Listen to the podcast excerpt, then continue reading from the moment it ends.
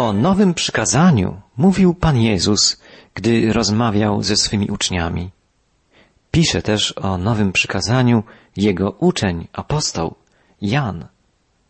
Od siódmego wiersza drugiego rozdziału pierwszego listu Jana czytamy Umiłowani, nie piszę wam nowego przykazania, ale przykazanie dawne, które mieliście od początku.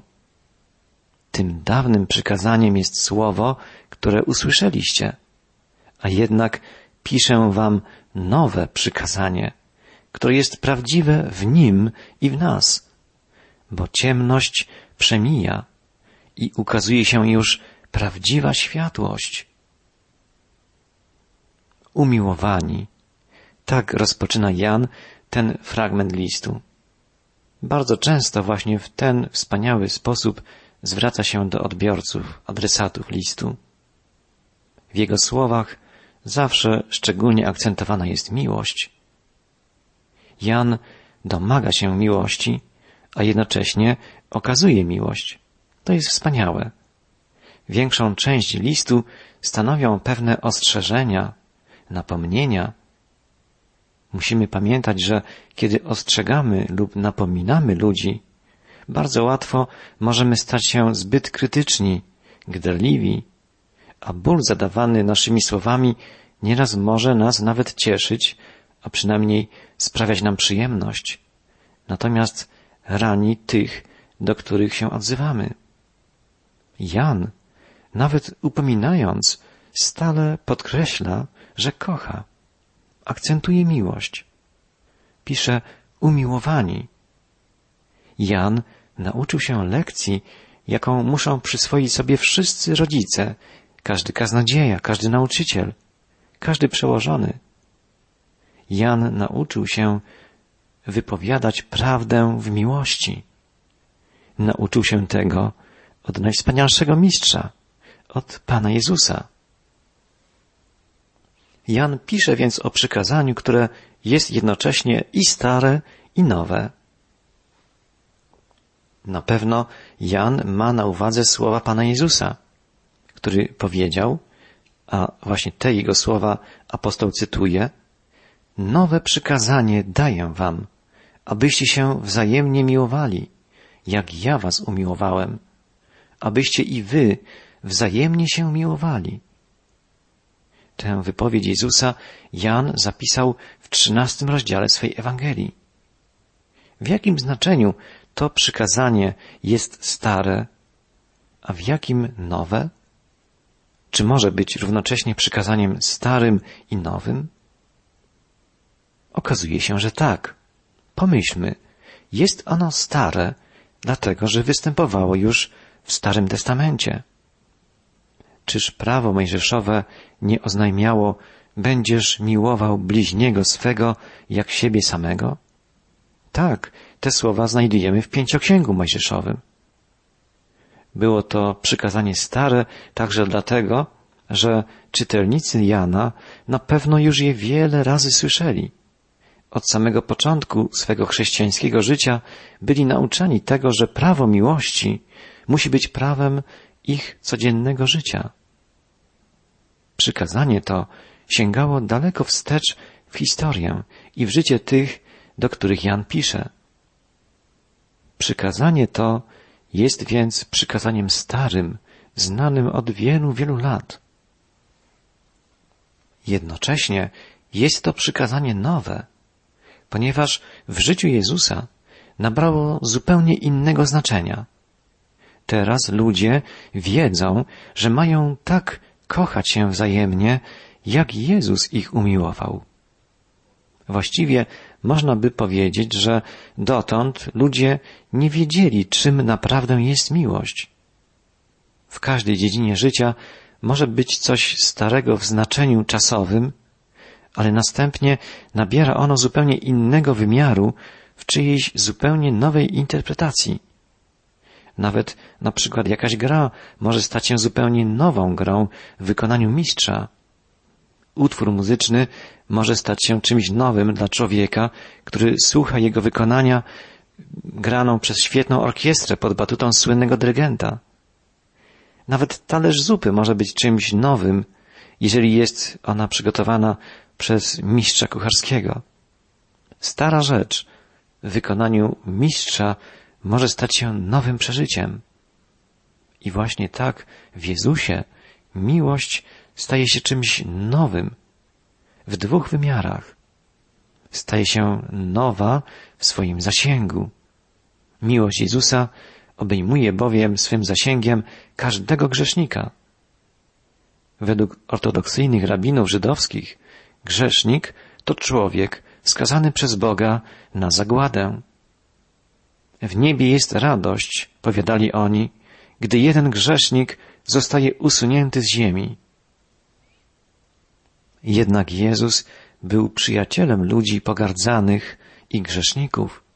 Był on w pełni przekonany, że w niebie jest wielka radość, gdy jeden z grzeszników wraca do swego niebiańskiego Ojca.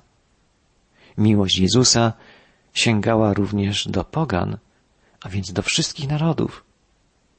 Rabini powiadali, poganie są stworzeni przez Boga po to, aby służyć w piekle za opał.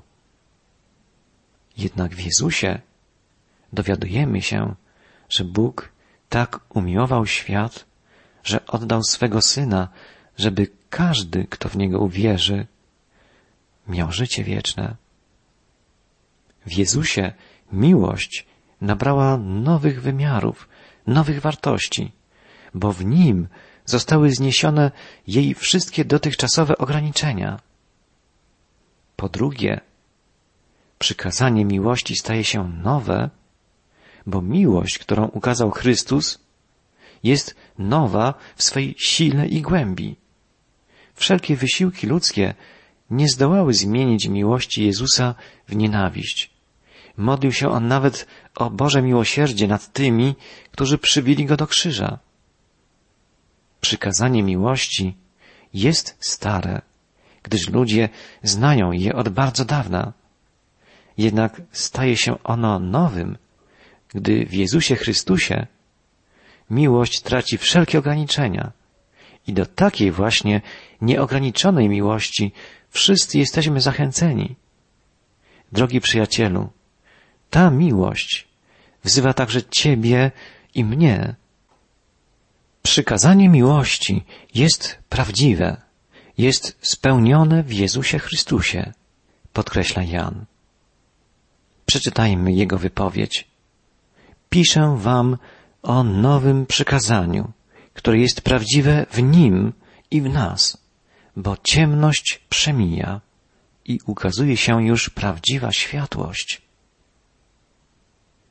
Zgodnie z tym, co już mówiliśmy, według apostoła Jana prawda to nie sprawa intelektu, umysłu. To nie pojęcie abstrakcyjne. Jest to sprawa życia, codziennego życia. Chodzi o to, że przykazanie miłości jest największą prawdą w Jezusie Chrystusie. W Chrystusie widzimy to przykazanie w pełnej chwale. W Nim przykazanie miłości jest prawdą. Natomiast w chrześcijaninie przykazanie to stopniowo staje się prawdą. Chrześcijaństwo, podkreśla Jan, jest ciągłym rozwojem w miłości jest ciągłym postępem w drodze za Chrystusem. Jan pisze też o światłości. Pisze tak, ciemność przemija i ukazuje się już prawdziwa światłość. Chodzi właśnie o proces rozwoju, który w nas stale trwa.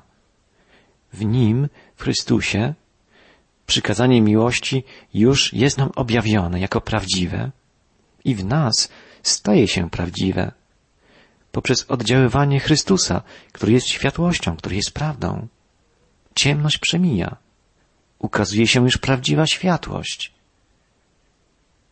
Te słowa Jana należy zrozumieć w odpowiednim kontekście. Przy końcu pierwszego wieku, gdy Jan pisał te słowa, ludzkie pojęcia ulegały zmianom. Na samym początku oczekiwano rychłego powrotu Jezusa.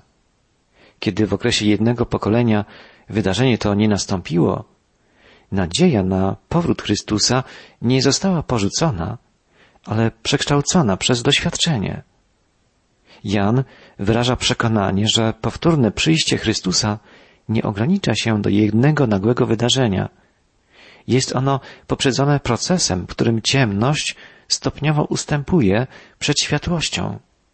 W końcu ciemność zostanie całkowicie pokonana, a na całym świecie zatriumfuje światłość. W tej wypowiedzi Jana światłość jest zidentyfikowana z miłością, bo Jan pisze o przykazaniu miłości i podkreśla, że miłość wypiera ciemność. Miłość jest identyfikowana ze światłością, a ciemność z nienawiścią. A więc w końcu tego procesu odnowy świata nastanie panowanie miłości i zupełny zanik nienawiści. Chrystus jest obecny w sercu człowieka, jeżeli cała jego istota jest kierowana miłością. Jest on również obecny w świecie ludzi, jeżeli są oni posłuszni Jego przykazaniom, a przede wszystkim Jego przykazaniu miłości. Przyjście i panowanie Jezusa jest identyczne z przyjściem i panowaniem miłości. A teraz zadaniem na całe nasze życie jest rozwój, wzrastanie w miłości. Jan pisze o miłości bardzo konkretnej, praktycznej. Jest ona jak światło, widoczna w naszym życiu. Od dziewiątego wiersza drugiego rozdziału listu Jana czytamy dalej. Ten, kto mówi, że jest w światłości, a nienawidzi swojego brata, nadal tkwi w ciemności. Ten, kto miłuje swojego brata, pozostaje w światłości i nie ma w nim zgorszenia. Ten zaś, kto nienawidzi swojego brata, tkwi w ciemności i w niej postępuje i nie wie, dokąd idzie, gdyż ciemność zaślepiła jego oczy.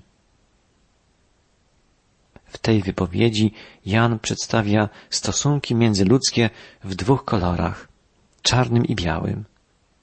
Nasz stosunek do bliźniego jest nacychowany miłością albo nienawiścią. W relacjach międzyludzkich nie ma neutralności. Obojętność jest niemożliwa. W duchowym świecie nie ma półcieni. Jan pisze o stosunku człowieka do swego brata, to znaczy najbliższego człowieka, bliźniego, z którym wspólnie mieszka, pracuje, z którym codziennie jest w kontakcie. Niektórzy chrześcijanie entuzjastycznie mówią o miłości do ludzi dalekich krajach, nigdy nie dbając o społeczność ze swoimi bliźnimi, a nawet nie żyjąc w zgodzie ze swoją własną rodziną czy ze swoimi sąsiadami. Jan domaga się od nas miłości wobec człowieka, z którym pozostajemy w stałym kontakcie. Bardzo praktyczna i szybko dająca się sprawdzić jest postawa wobec najbliższych nam ludzi. Jan ma rację, zakreślając wyraźną granicę między światłością i ciemnością, między miłością i nienawiścią, nie pozostawiając cieni ani innych pośrednich stopni. Nasz brat nie może być lekceważony. Jest on istotnym elementem otaczającego nas środowiska. Istnieje tylko pytanie, w jaki sposób możemy go lekceważyć? W jaki sposób możemy go nienawidzić? Możemy na przykład uważać go za człowieka mało znaczącego. Możemy w ogóle wyłączyć go ze swoich planów życiowych. Jego potrzeby i smutki, jego powodzenie, jego zbawienie może nas nic nie obchodzić. Człowiek może stać się tak egocentryczny, często całkiem nieświadomie, że bierze pod uwagę tylko swój własny interes. Możemy odnosić się do naszego brata z pogardą. Możemy traktować go jak głupca w porównaniu z własnymi zdolnościami intelektualnymi. Jako tego, którego opinie są beztrosko odrzucane.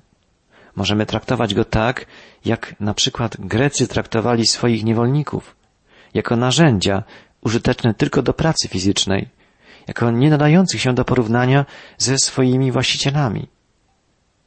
Możemy uważać swego brata za człowieka nieznośnego, za skończonego nudziarza. Swoje zobowiązania wobec niego uważamy za przykrą konieczność. Za godny pożałowania uważamy każdy dar, który mamy służyć innym, każdy swój obowiązek społeczny.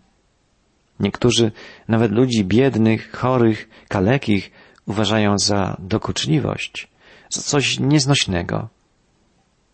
Możemy uważać brata za swego nieprzyjaciela. Dzieje się tak wtedy, kiedy w swoim życiu kierujemy się zasadą rywalizacji. Każdy człowiek pracujący w tym samym co my zawodzie lub dziedzinie jest naszym potencjalnym rywalem, a więc i potencjalnym nieprzyjacielem. W końcu możemy uważać swego brata za brata. Jego potrzeby możemy uważać za swoje potrzeby, a jego interesy za swoje interesy. I tylko taka postawa jest właściwa. Tylko kiedy naprawdę traktujemy swego bliźniego jak brata, przeżywamy radość wspólnoty, piękno miłości. Jan apostoł sygnalizuje jeszcze jedną ważną sprawę. Nasz stosunek do brata wpływa nie tylko na niego, lecz i na nas samych. Kochając swego brata, chodzimy w światłości i nie grozi nam potknięcie. Jeżeli miłujemy swego brata, nie ma w nas niczego, co spowodowałoby potknięcie się innego człowieka. Jednak Jan podkreśla także, że nasza miłość do brata zabezpiecza nas samych przed upadkiem. Inaczej mówiąc, miłość pozwala nam rozwijać się duchowo, skutecznie hamować rozwój nienawiści. Gdy zastanawiamy się nad tym, widzimy oczywistość tej prawdy. Skoro Bóg jest miłością i nowym przykazaniem Chrystusa jest miłość, to miłość ta przybliża nas do ludzi i do Boga, a nienawiść oddala nas od ludzi i od Boga. Zawsze musimy pamiętać o tym, że ten, kto przechowuje w swoim sercu nienawiść, złość, zawziętość, nigdy nie będzie rozwijał się duchowo. Jan powiada, że kto nienawidzi swego brata, chodzi w ciemności i nie wie, dokąd idzie, bo ciemność zaślepiła jego oczy. A więc nienawiść zaślepia człowieka i to także jest czymś oczywistym. Zachowując w swoim sercu nienawiść, człowiek nie może wydawać obiektywnych opinii, bo nie może widzieć danej sprawy wyraźnie, obiektywnie. Jakże często ktoś sprzeciwia się dobrej propozycji tylko dlatego, że jest skłócony z tym, który tę propozycję wysuwa. Niestety, czasem tak dzieje się nawet na terenie Kościoła. Osobiste niesnaski nie pozwalają na podjęcie wspólnego działania. Nikt, będąc w stanie nienawiści, nie może wydać o czymś obiektywnej opinii. Nikt też nie może właściwie pokierować swoim życiem, jeżeli jego serce jest zdominowane przez nienawiść. Nienawiść pogrąża nas w ciemności. Natomiast miłość uzdalnia nas do kroczenia w światłości. Podkreślmy jeszcze jedną rzecz. Słowo nienawiść ma dla Jana i w ogóle dla autorów biblijnych o wiele szersze znaczenie niż to, jakiemu nadajemy dzisiaj. Nienawiść względem brata, według ujęcia biblijnego, objawia się we wszystkich formach braku serca, w chłodzie, w obojętności, w nieangażowaniu się w sprawy bliźniego, w niechęci i unikaniu go. Pod przykrywką okazywanej mu uprzejmości stawiamy między sobą a nim nieraz nieprzeniknioną ścianę. Wszystko to oznacza już dla apostoła nienawiść. Podobnie dla Jezusa przykazanie nie zabijaj oznaczało także nie gniewaj się, nie bądź obojętny na potrzeby innych. Jan stwierdza jasno, że w stosunku do brata nie ma miejsca na neutralność. Neutralność jako taka jest już odmową miłości i w tym sensie staje się już nienawiścią.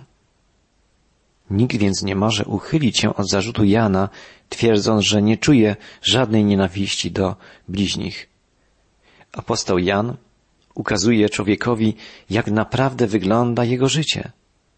Życie człowieka nieczułego jest życiem w ciemności.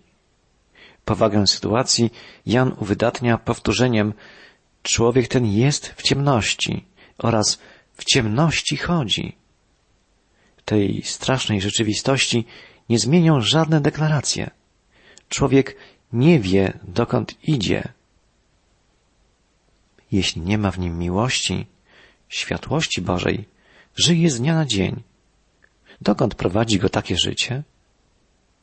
Jest mu trudno pomóc, gdyż ciemność zaślepiła jego oczy, pisze apostoł. Człowiek nieczuły już nie potrafi widzieć. Człowiek bez serca jest ślepy na rzeczywistość i dlatego nie potrafi sobie nawet wyobrazić, że może być jakieś inne życie, życie w światłości. Dla niego to ponure, zimne, pozbawione celu życie jest życiem normalnym, zwłaszcza, że wokół ma takich samych zaślepionych ludzi. Ale chrześcijanin, uczeń Jezusa, nie może należeć do tych, których zaślepiła nienawiść, egoizm, zarozumialstwo czy obojętność. Nie, niemożliwe jest chrześcijaństwo bez światła. Niemożliwe jest chrześcijaństwo bez miłości, bez praktycznej, prawdziwej miłości do Boga i do ludzi. Nie ma prawdziwego chrześcijaństwa.